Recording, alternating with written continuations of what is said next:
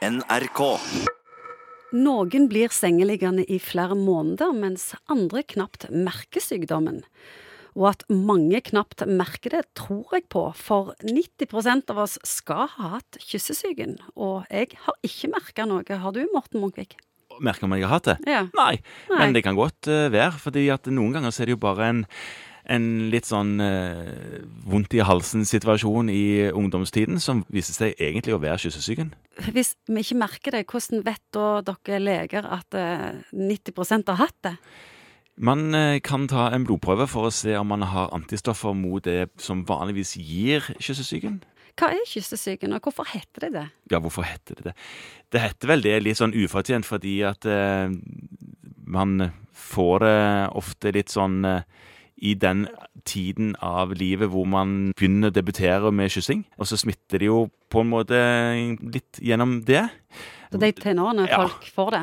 Ja, iallfall sånn at det kan bli problematisk og gi såpass mye symptomer at det, det kan bli et stort problem for enkelte. Det kan jo òg gi sånne problemer med at det kan Det kan jo òg påvirke lever og innvollsorganer, sånn at det blir problemer med de organene òg. At du rett og slett kan måle i blodprøver at de organene ikke har det helt bra. Vil det være sånn alltid? Nei, det er ikke alltid sånn. Eh, Men noen ganger så er det sånn, og da passer man på eh, det. Og før så var det jo sånn at man sa at de som hadde kyssesyken og hadde stigning av leververdier i blod, de fikk ikke lov å trene eller gjøre noen ting nærmest før de verdiene var normalisert. Nå er man litt mindre hissig på det. Så nå sier man mer at hvis du føler deg ok nå, så kan du trene forsiktig, selv om det er litt høyere verdier på leverprøvene. Hvorfor blir noen ramma så hardt av denne sykdommen, mens noen slett ikke merker det?